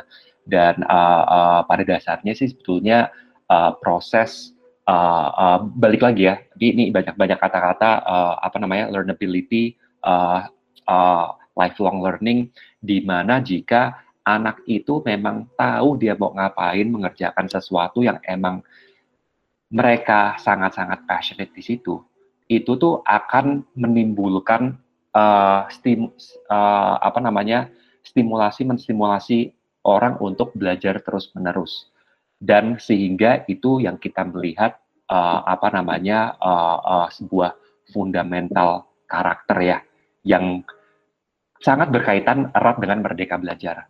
Dan kalau kita melihat uh, saya bisa ngambil contoh beberapa yang yang yang yang yang yang yang sangat-sangat uh, pas ya di mana kami di rencanamu punya tim anak-anak engineering yang memang itu lulusan dari SMK yang pada saat mereka SMK itu pun tidak mengambil uh, jurusan-jurusan IT, informatika, RPL, uh, uh, TKJ sama sekali.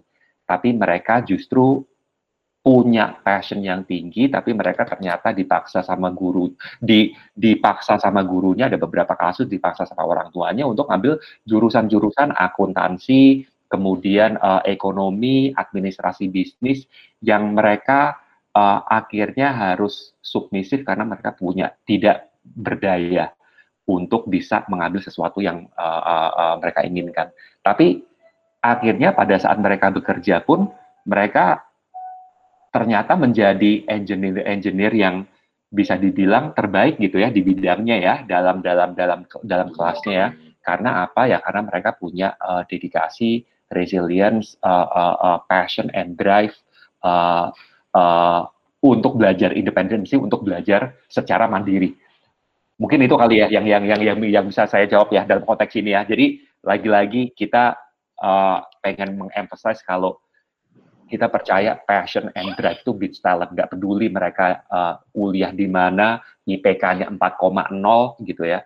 Tapi uh, uh, kalau kita ngomongin anak-anak mau dari mana pun mereka tahu tujuannya, mereka punya passionnya, mereka kemudian dibantu dengan uh, uh, environment yang tentunya mendukung.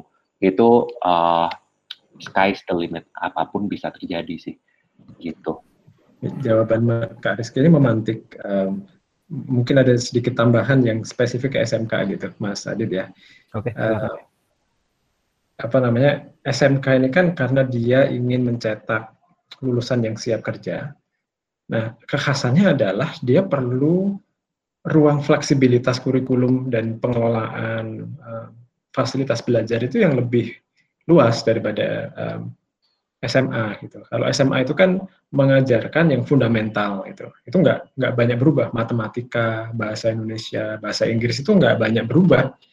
Tapi kalau keterampilan kerja, um, dunia industri, dunia usaha itu kan perubahannya jauh lebih cepat daripada perkembangan ilmu-ilmu dasar tadi. Itu implikasinya adalah SMK itu seharusnya didorong untuk lebih adaptif gitu ya. Kalau segala sesuatunya dikendalikan dari pusat, uh, mau ngubah kurikulum nggak bisa, mau beli software yang berbeda itu nggak bisa gitu ya. Ya akhirnya lulusannya suffer gitu kan. Mereka nggak nggak dapat skill yang diperlukan oleh dunia usaha industri ketika dia lulus gitu. Itu mungkin yang um, apa namanya khas di Merdeka Belajar untuk untuk SMK. Uh, baik, terima kasih banyak atas uh, jawabannya. Uh, mudah-mudahan uh, terjawab ya uh, Kak Rifki dari uh, Polban gitu ya. Uh, nah, mohon maaf banget nih teman-teman semuanya, kayaknya kita nggak bisa nyampaikan semua pertanyaan di sini karena keterbatasan durasi ya. Uh, mungkin setelah ini, uh, ini pertanyaan terakhir kali ya dari dari uh, sesi Q&A ini gitu. Nah, ini ada satu pertanyaan yang menarik banget uh, dari Kak Muhammad Maulana Ishak dari Brawijaya mengajar gitu. Uh, ini pertanyaan menarik banget mungkin uh, Kak Maulana Ishak boleh menyampaikan pertanyaannya secara langsung mungkin? Halo Kak Ishak, ada? Ya, halo halo. Ya, mungkin boleh disampaikan secara langsung Kak uh, pertanyaannya. Uh, aku baca aku baca uh, notisku aja ya. Ya, boleh. Uh, jadi uh, ini buat Mbak Nilatan Zil yang khususnya pada khususnya dan Mas Rizky dan juga Pak siapa uh, Pak Arindito ya pada umumnya. Ini kami sebagai gerakan mengajar tentunya banyak yang bergerak di dalam lingkup pengabdian ya. Apalagi di saat pandemi seperti ini melanda, tentunya kami harus banding setir lah istilahnya yang harus tur yang tadinya harus turun langsung ke lapangan menjadi berubah menjadi kegiatan pengabdian dengan sistem daring. Nah, memang ini, memang kami sudah banding setir, memang kami sudah membuat cara belajar yang menyenangkan menurut kami. Tetapi penyaluran output atau produk yang kami buat masih banyak yang masih banyak memiliki batasan yang membuat anak-anak itu sulit untuk menerima produk kita yang telah kita buat sebagai langkah-langkah membantu mempermudah pengajaran dan sebagai langkah pencerdasan kepada anak-anak yang tertinggal khususnya.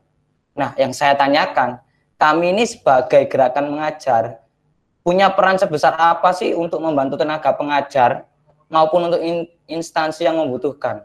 Dan langkah apa saja yang harus dilakukan gerakan pengajar ini untuk membantu semua pihak yang membutuhkan seperti itu? Terima kasih. Uh, baik, boleh dijawab oleh Kanila dulu mungkin? Uh, halo tadi maaf uh, internetnya agak terputus sedikit. Pertanyaannya pertanyaannya uh, gimana Adit boleh boleh diulang?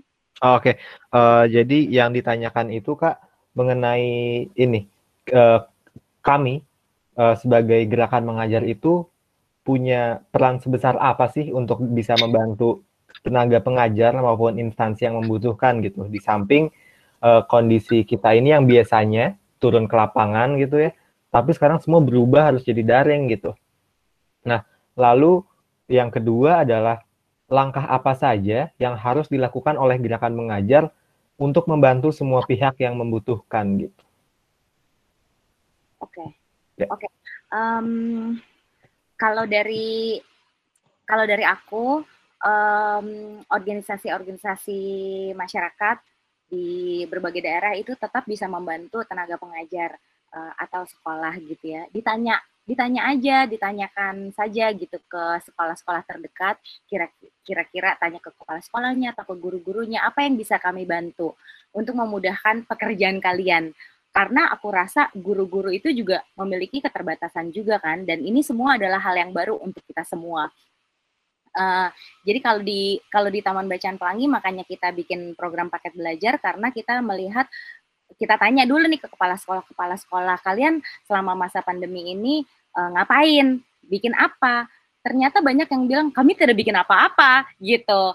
Nah ini ini juga merupakan salah satu budaya yang yang harus diubah karena mungkin biasanya disuapin terus gitu ya Mas Nino ya. Uh, tiba-tiba uh, nunggu nunggu nunggu dari pusat gitu ada kebijakan apa sehingga waktu itu kan gapnya lumayan lumayan lama nih sampai adanya harus harus daring gitu kan.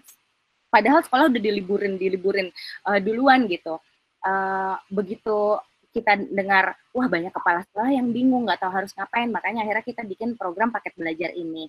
Uh, dan paket belajar ini kita juga tidak hanya menggunakan uh, guru untuk menyebarkan paket-paketnya tapi kita kerahkan juga volunteer-volunteer yang ada di masyarakat termasuk para pegiat literasi uh, founder-founder taman bacaan. Itu kita minta bantuin bantuan mintain bantuan untuk menyebarkan paket-paket belajar ke rumah-rumah anak-anak SD gitu.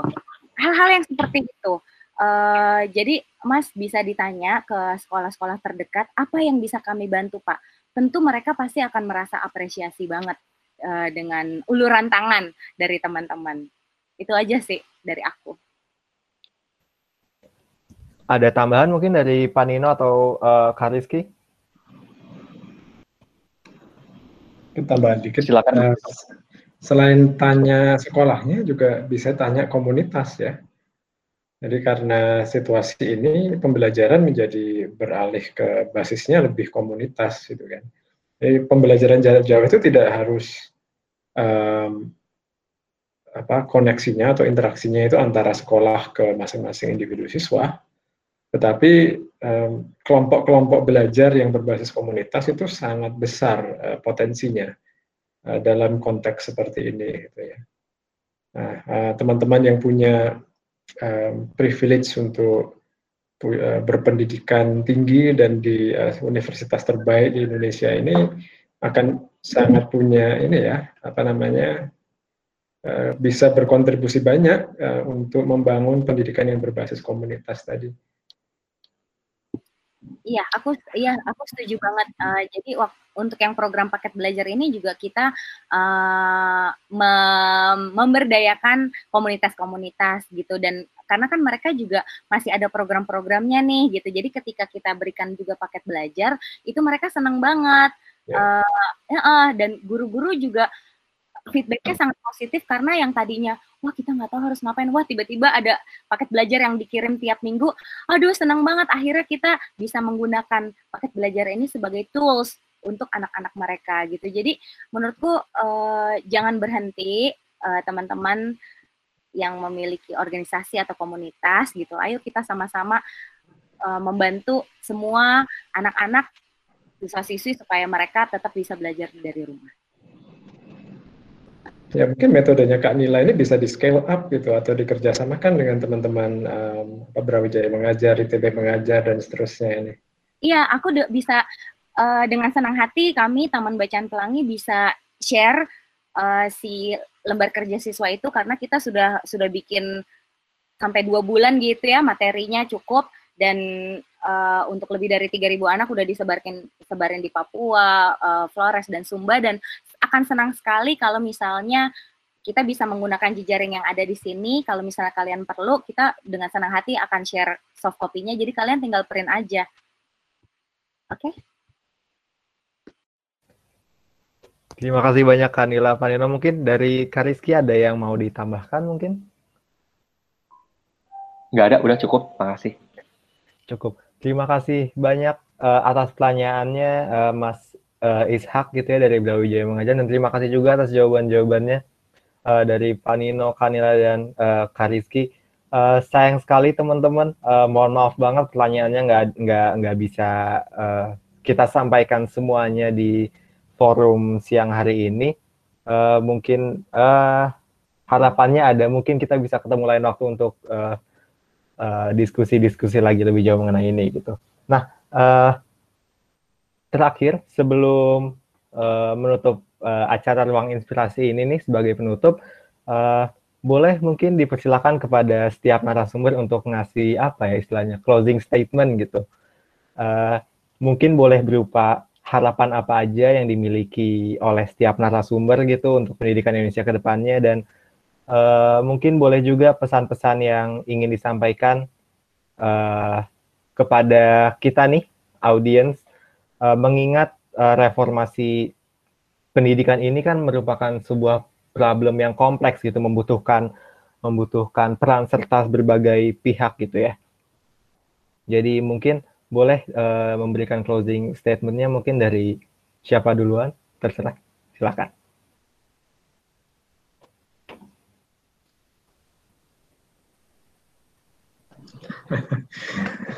uh, Kanila kayaknya mau bicara tapi masih mute ya. Uh, aku dulu. Oh ya, oke okay, oke. Okay. Apa ya? Uh,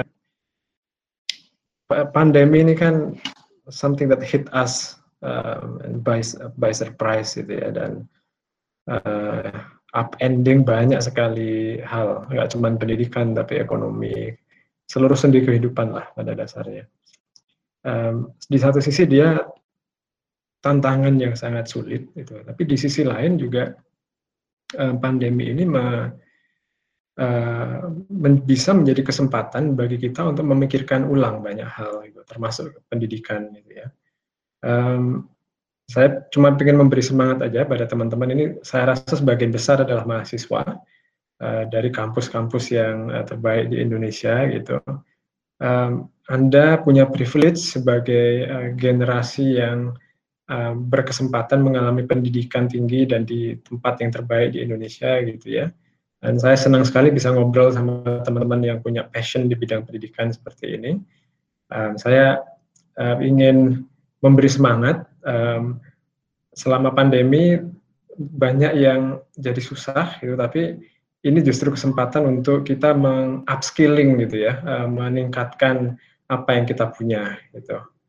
Um, so uh, saya I'm looking forward to what you can contribute itu after the um, setelah kalian lulus dan sekarang juga gitu ya. Oke itu mungkin. Terima kasih Mas Adit. Baik, terima kasih banyak Pak Nino. Mungkin uh, selanjutnya dari Kanila atau Kariski.